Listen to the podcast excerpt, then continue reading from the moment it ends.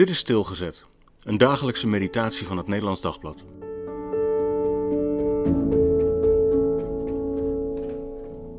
Dan doe ik het wel. 2 Samuel 3, vers 26. Joab ging bij David weg en stuurde boden achter Abner aan, die hem bij de put van Sira lieten terugkeren. David wist hier niets van. Met een woedende kop is Joab bij David binnengevallen. David kon nu wel honderd keer koning zijn, maar dit had hij toch erg dom aangepakt, dat hij Abner zomaar had laten weggaan. Abner was toch zeker de motor achter de jarenlange breuk in Israël. Als die man er niet was geweest, dan waren de noordelijke stammen al lang bij David gekomen om hem koning te maken. Joab kan er niet bij. David had Abner op zijn minst gevangen moeten zetten en dan zelf het voortouw moeten nemen om Israël voor zich te winnen. Dat laat je toch zeker je vijand niet doen? En zonder Davids reactie af te wachten, stampt Joab de deur weer uit. Hij heeft zijn plan al klaar.